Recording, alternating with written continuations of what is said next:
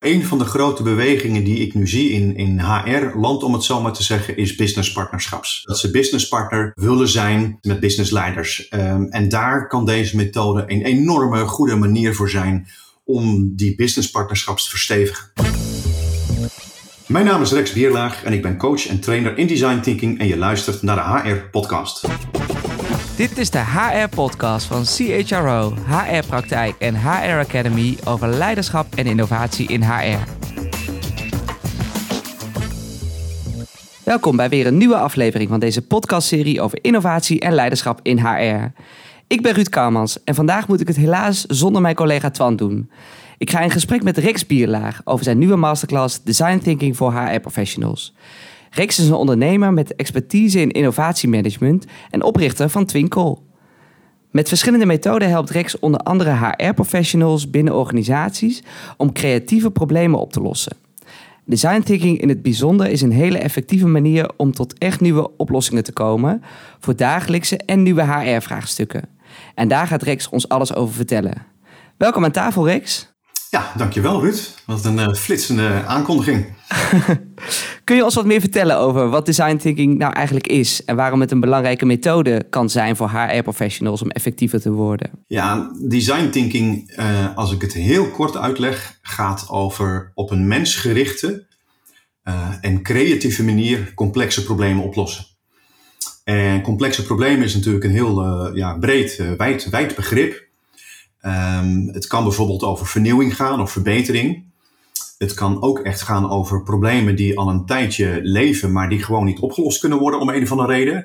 Bijvoorbeeld omdat er eh, veel geld mee gemoeid is, of veel kosten, of heel veel belanghebbenden.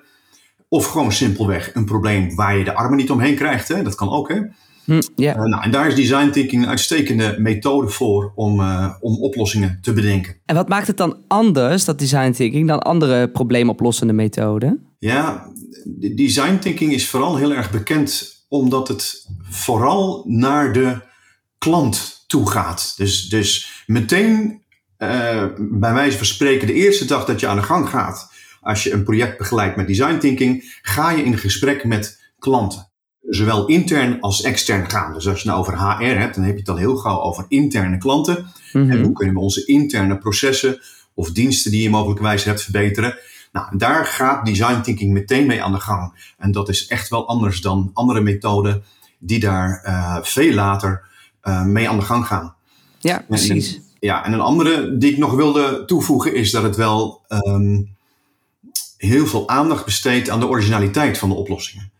Dus uh, echt op zoek gaan naar oplossingen die zowel relevant zijn, dus die lossen iets op, maar ook die origineel zijn. En dat betekent vaak dat die oplossingen er in die zin nog niet waren. En wat kunnen HR-professionals verwachten te leren tijdens deze masterclass die je, die je geeft? Het allerbelangrijkste dat ze leren is um, welk gedrag je eigenlijk nodig hebt. Hè. Mindset noemen we dat dan in het Engels.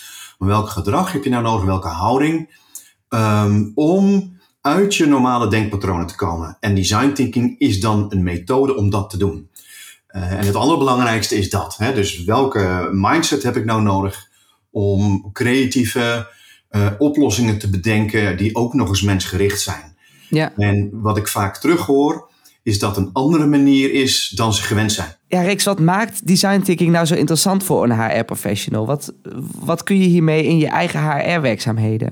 Ligt, ligt heel erg aan de context, maar een van de grote bewegingen die ik nu zie in, in HR-land, om het zo maar te zeggen, is businesspartnerschaps. Ja. Dat ze businesspartner uh, willen zijn uh, met, met businessleiders. Um, en daar kan deze methode een enorme goede manier voor zijn om die businesspartnerschaps te verstevigen. Om te begrijpen wat die businesspartner wil. Ja, echt om te begrijpen wat hij wil en vooral waar hij tegenaan loopt ja. Eh, als het gaat over uh, HR-taken. Want daar zit dan die partnerschap met HR. En als je daar goed achter kunt komen, dan kun je die partnerschaps echt heel goed en stevig maken. En design thinking is daar wel een hele mooie methode voor. Nou, dat vind ik heel, uh, dat vind ik heel interessant klinken. Want ik had al een beetje opgezocht, Rex, en toen kwam ik al snel achter dat design thinking vijf verschillende stappen hanteert, hè? vijf verschillende fasen. Waarom is deze methode opgebouwd uit deze fase? Ja, um, de methode is al een hele tijd geleden ooit bedacht door een uh, creatief communicatiebureau. door designers, dus, dus echt, echt ontwerpers als het ware. En pas achteraf eigenlijk hebben zij gezegd, maar wat doen wij nou eigenlijk? Ehm, en wat maakt nou dat de oplossingen die wij bedenken, nieuwe producten, diensten, systemen, processen, maakt niet uit, dat die zo goed aansluiten op wat klanten willen. Mhm. En toen hebben ze eigenlijk uh, teruggekeken en gezien, hé, hey, we doen dat in vijf stappen. En waarom? Omdat uh, uh, die stappen, dat maakt een soort van cirkel rond. Dus je begint bij de klant en je eindigt ook altijd weer met de klant. En om uh, goed met de klant om te gaan, moet je eerst een onderzoek plegen. Dat is stap 1. de empathy fase noemen we dat. En als je dan al die informatie hebt gevonden, dan moet je daar logischerwijs wat mee, want anders zou je het anders doen. Nou ja, dat is dan stap 2. Dat noemen we dan de definieerfase. Heel in het kort, hè. ik kom straks misschien nog wel wat meer over. Mhm. En uiteindelijk denk je, ja, maar als we nou informatie hebben gekozen waar we mee willen werken uit stap 2, dan kunnen we met die informatie echt die oplossingen gaan bedenken. Dat is dan stap 3, dat is eigenlijk de creatieve fase. Maar als je die oplossingen gemaakt hebt, en dat is ook een groot, groot verschil met design thinking, waarom gaan we dan die oplossingen niet meteen echt maken? En dat noemen we prototypen. Uh, en dat kan uh, knutselen zijn, dat kan als het een softwareprogramma is al in de software maken. is een beetje afhankelijk van de context. Dat is stap 4. dat is dus de oplossing al maken. Met als doel om hem meteen weer te laten zien aan de klanten, die je ook hebt gesproken, van klopt dit nou wat we hebben gevonden? En dat is stap 5. Ja. Dus het is eigenlijk een hele, ja, voor mij bijna logische manier van opvolging van stapjes. En die hebben ze dan opgedeeld in vijf grote hoofdstukken als het ware. Nou, het lijkt me goed om bij die hoofdstukken stil te gaan staan, om het wat beter te begrijpen. Want je begon met de empathiefase, toch? Wat, waarom is die zo belangrijk om die klant echt zo goed te begrijpen? En hoe, hoe, hoe kom je erachter wat die klant echt wil? Ja, dat, dat, dat is een beetje. Die, die klant weet eigenlijk nooit precies wat hij wil. dat, dat maakt het zo verschrikkelijk uh, uitdagend, die stap. Ja. Dus bij design thinking hebben wij het eigenlijk heel erg veel over fricties. Waar, waar loopt iemand nou tegenaan binnen zijn dagelijkse context? En als we dat nou goed kunnen achterhalen, en ook de reden waarom dat zo is, uh, dan heb je kans dat je uh, aanknopingspunten vindt om op te gaan vernieuwen. Want praktisch elk punt waar iemand in zijn dagelijkse context tegenaan loopt, dat wil die verbeterd hebben. Uh, en als je die verbeteringen zou kunnen aanbrengen, en, en dat zou ook nog eens origineel zijn, dus vernieuwend, dan uh, zullen de meeste klanten zeggen: hé, hey, maar dat is gaaf. Daar heb ik zelf nog nooit aan gedacht. En wat goed dat je dat hebt gevonden. Nou, dat is uh, de, de, de empathy fase, is, is, is de fase waarop we dat doen. En wij spreken eigenlijk niet zozeer van wat ze willen of wat hun behoeften zijn. Want werkelijk waar, ik ben nog geen interne klant of externe klant tegengekomen die zegt, nou dat is wat ik wil. Wel misschien morgen of overmorgen, maar op het moment dat je uh, wat verder weg gaat kijken, ja, dan hebben ze meestal eigenlijk geen flauw idee. En stel dat je dat wel vraagt, dan krijg je enorme sociaal wenselijke antwoorden. Maar hmm. als je vraagt, wat houdt jou nou tegen? Of wat, wat zijn de problemen die je tegenkomt? Of wat zijn de beperkingen binnen het systeem waarin je werkt? Of wat dan ook. Ja joh, dan gaan ze helemaal los. En dan kunnen ze echt wel van alles vertellen. Oh, dat is, een, dat is een interessante manier om het om te denken, inderdaad. Ja, Wat houd je tegen? Ja, ja, want kijk, vanuit marketing, hè, ik ben heel lang marketing ook, ook gedaan. En ik weet gewoon, behoefteonderzoek werkt eigenlijk helemaal niet zo goed. Mm. En het heeft er simpelweg mee te maken. Uh, nou, kijk naar jezelf. Als iemand jou uh, twintig jaar geleden had gevraagd: zou jij een mobiele telefoon willen? Dan had je gezegd: dat hoeft niet. Want ik ben prima te bereiken via mijn antwoordapparaat. Precies. en die luister ik één keer per maand af of één keer per week. En dat vind ik helemaal prima. Maar ja, dat is natuurlijk super achterhaald.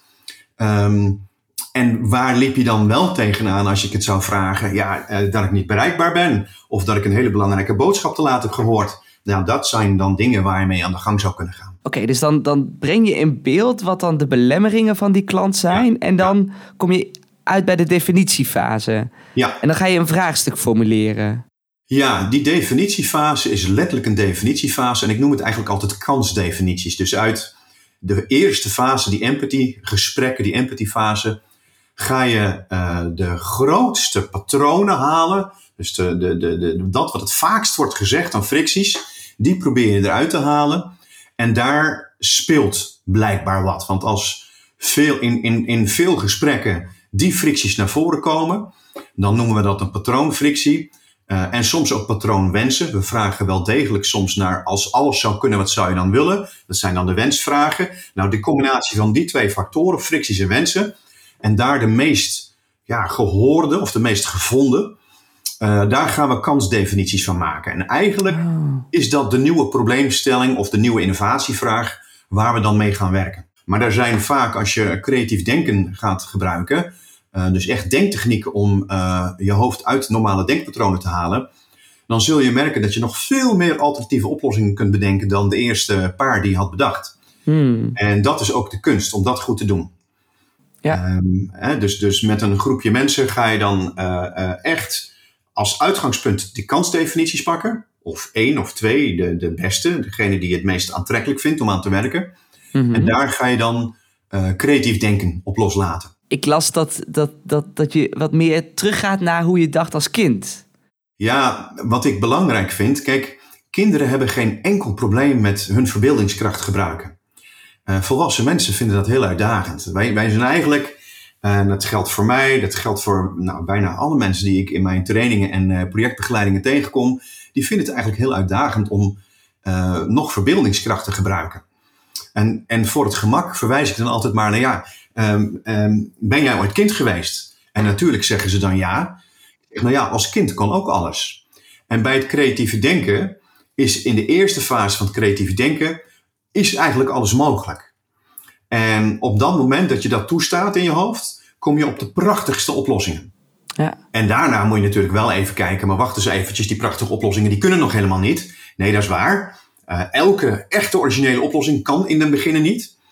Uh, dus daar zullen we nog even aan moeten gaan werken. Hoe kunnen we dat praktisch maken en, ja. en, en um, concreet maken?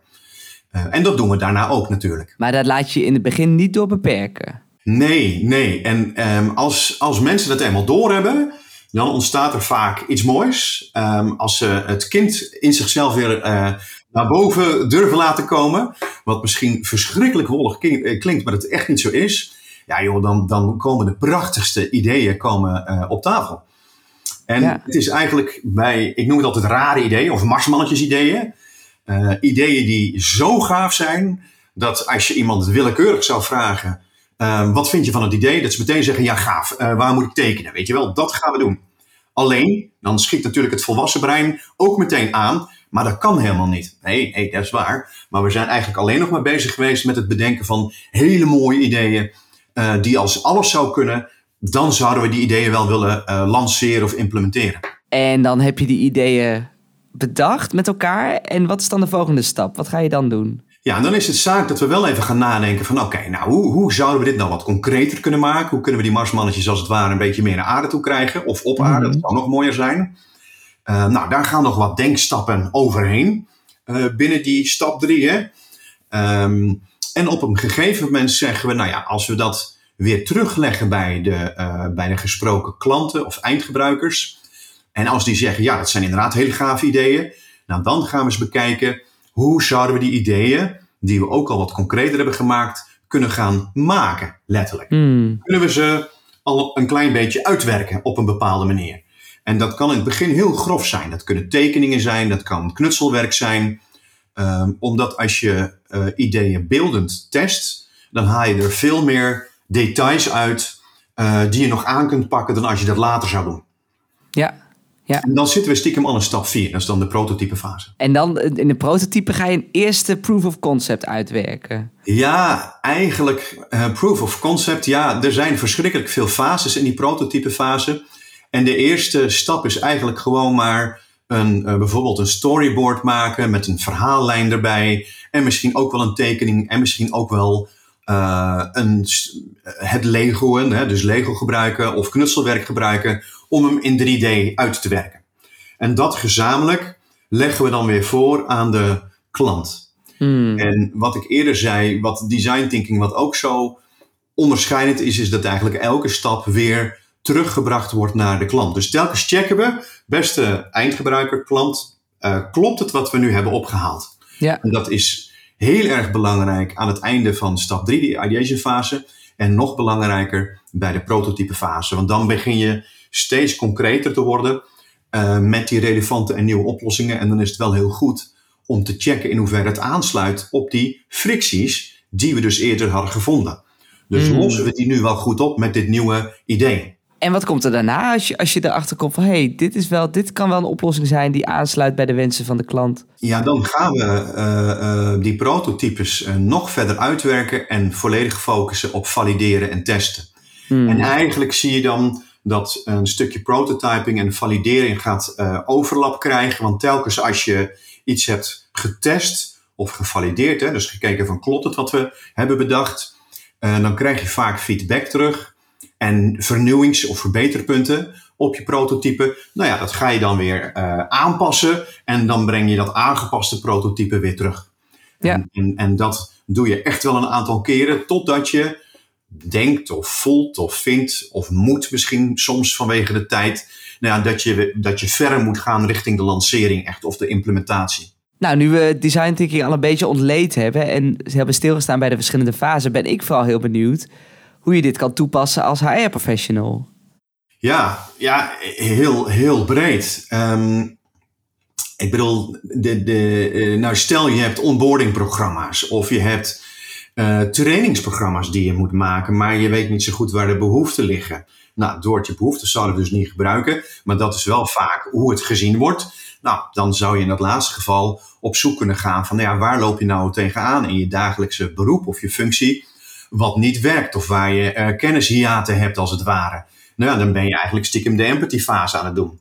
Ja. Uh, bij onboarding precies hetzelfde. Dus stel dat je heel veel nieuwe mensen aanneemt of consistent nieuwe mensen, um, dan zou je kunnen kijken, ja, waar, wat liep nou niet goed uh, bij mensen die we pas hebben aangenomen uh, en wat zouden we dus kunnen verbeteren of vernieuwen. Nou, dan ben je ja. feitelijk ook op zoek binnen een onboardingprogramma naar de fricties die al aangenomen mensen hebben ervaren. Een ander voorbeeld wat ik me zo bedenk, bijvoorbeeld als je een nieuw arbeidsvoorwaardenpakket wil samenstellen. Ja. Hoe kom ik erachter wat mijn huidige medewerkers en zeker ook de medewerkers die ik wil aantrekken, ja, zeker. interessant vinden qua, qua voorwaarden?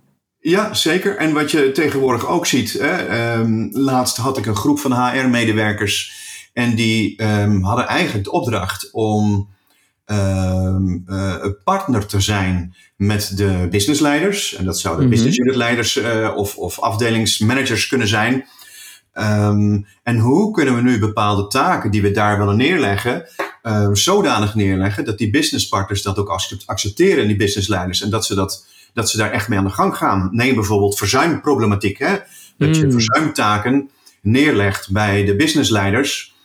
Um, en dat je als uh, HR-professional dat zo goed mogelijk probeert te begeleiden. Um, nou, daar zou je ook uh, vanuit interne klantperspectief design thinking kunnen gebruiken door te checken, joh, beste businessleider, uh, business unit manager of wie dan ook, mm -hmm. waar loop je nou tegenaan bij um, het, het, ja, het uitvoeren van verzuimtaken of überhaupt bij verzuim. Ja. Uh, met als reden dat je op zoek kunt gaan naar de beste manieren als HR-professional om ze daarin te steunen. En anderzijds, Rex, zit ik ook te denken, ik, dit focussen nu wat meer over de HR-taken, maar je kunt design thinking ook inzetten om je organisatie in de breedte, in de breedte creatiever te maken, volgens mij. Ja, absoluut. Kijk, de, de, de, we, we focussen nu op HR. Hè? Um, en tegelijkertijd kun je het op elke discipline neerzetten en ook nog eens hoog over op een organisatie, afhankelijk van de complexe problematieken waar een organisatie mee te maken heeft. Ja. Uh, dus design thinking is in die zin multi-inzetbaar uh, op, op, op silo-gebied bijna, hè, op functioneel gebied, maar ook op abstracter gebied, op wat hoger, uh, ja, eigenlijk boven uh, de, de verschillende disciplines of afdelingen. Om bijvoorbeeld samenwerkingsproblematieken, wat je vaak ziet. Hè, dus hoe kunnen diverse multidisciplinaire teams beter samenwerken? Ja, daar, daar, daar zou je ook design thinking voor kunnen gebruiken. sterker nog, daar wordt het ook voor gebruikt. Zo zou je als HR-professional bijvoorbeeld je collega's kunnen leren over deze methode of met hen een workshop doen over design thinking om je collega's meer, meer tools te geven om creatieve problemen op te lossen. Ja, tools is één ding, hè. die krijg je wel degelijk. Um, en ook de ervaring van wat doet jouw brein nou als je, uh, um, niet op, als je geen verkoopgesprek houdt of geen klantondersteuningsgesprek, maar echt een empathiegesprek. Wat gebeurt ja. er dan met jouw hoofd? Dus echt, hoe, hoe schakel je jouw empathisch vermogen aan? Waarbij het echt gaat om op jacht te gaan naar die fricties en niks op te lossen voor die klant. Want dat hoeft niet. Want dat doen we later wel. Ja. En dat zijn, dus je hebt niet alleen tools, je hebt ook uh, uh, de methodische stappen en je hebt ook dat gedrag wat vooral bij jezelf begint om goed in te kunnen zetten bij dit soort vernieuwings- uh, en verbeteringsprocessen. Hmm. En dat ervaar je dan. En wat ik gewoon merk is dat de helft van het succes van de mogelijke oplossingen zit hem in um, de, de denk- en gedragspatronen die de mensen die de design thinking leren zelf moeten ervaren. He, waarvan zij zeggen, oh wacht eens eventjes, hier ga ik vastlopen. Dus daar moet ik even trainen om daar uit te komen qua gedrag. En dat kan ik dan toepassen en dan kan ik het ook overdragen aan anderen bij wijze van spreken. Wie zou volgens jou dan het meest profiteren van, van zo'n, bijvoorbeeld het volgen van zo'n masterclass? ligt een beetje aan de case, denk ik, of aan de type problematiek uh, die je wil oplossen. Um, even het laatste voorbeeld wat ik had met die HR-medewerkers. Nou, dat waren niet alleen HR-medewerkers, dat waren ook HR-managers. Um, dat waren ook um, case managers die bijvoorbeeld uh, bepaalde verzuimcases hadden. Uh, ook HR-officers, zoals ze dat daar destijds noemden. Het, het is best wel breed in die zin. En ook zou ik eigenlijk altijd zeggen, stel dat je het vanuit een HR-perspectief bekijkt. Be, uh, ja, gebruik design thinking altijd in multidisciplinaire teams. Dus Mm. stel dat je heel veel HR-functies hebt. Nou ja, uh, probeer daar dan echt een soort van palet uit te halen. Wat een soort van gemiddeld palet wordt van al die functies. En nog liever zou ik eigenlijk zeggen, een HR-problematiek kun je eigenlijk niet alleen oplossen met alleen HR-mensen. Ja. Ja. Uh, sterker nog, je zou dus ook uh, een doorsnee van de organisatie daarbij moeten gebruiken. En ik denk dat het aan de organisaties is om dan te kiezen op welk niveau moeten we insteken. Is het op, op, op welk medewerkersniveau is het? Of is het op senior of junior of zelfs top uh, niveau? Dat is denk ik heel erg afhankelijk van de type context. Of wellicht op, op, op, me, op medewerkers die nog geen medewerkers zijn. Hè? Nieuwe medewerkers, potentiële medewerkers. Als dat de case zou zijn, zou ja. ik altijd toekomstige medewerkers ook meenemen als dat zou kunnen. Ja, hoe, hoe, hoe breder je eigenlijk dat neemt, uh, hoe meer goede informatie je kunt vangen en waarop je dan je oplossingen op kunt baseren. Rex, dan wil ik jou heel erg bedanken voor het delen van je inzichten over design thinking. Graag gedaan. En wil jij, luisteraar, ook in jouw organisatie creativiteit in beweging krijgen en complexe problemen beter en anders leren oplossen? Neem dan vooral een kijkje op de gloednieuwe vernieuwde website van hracademy.nl. Voor nu bedankt voor het luisteren van deze aflevering en een hele mooie zomer gewenst. Dit is het einde van weer een aflevering van de HR-podcast over leiderschap en innovatie in HR. Vind je dit een leuke podcast? Geef dan je 5-sterren review in Apple Podcast of Spotify. En heb je suggesties voor gasten voor een volgende aflevering? Stuur dan een mailtje naar redactie.hrpodcast.nl. Dank voor het luisteren en tot de volgende HR-podcast.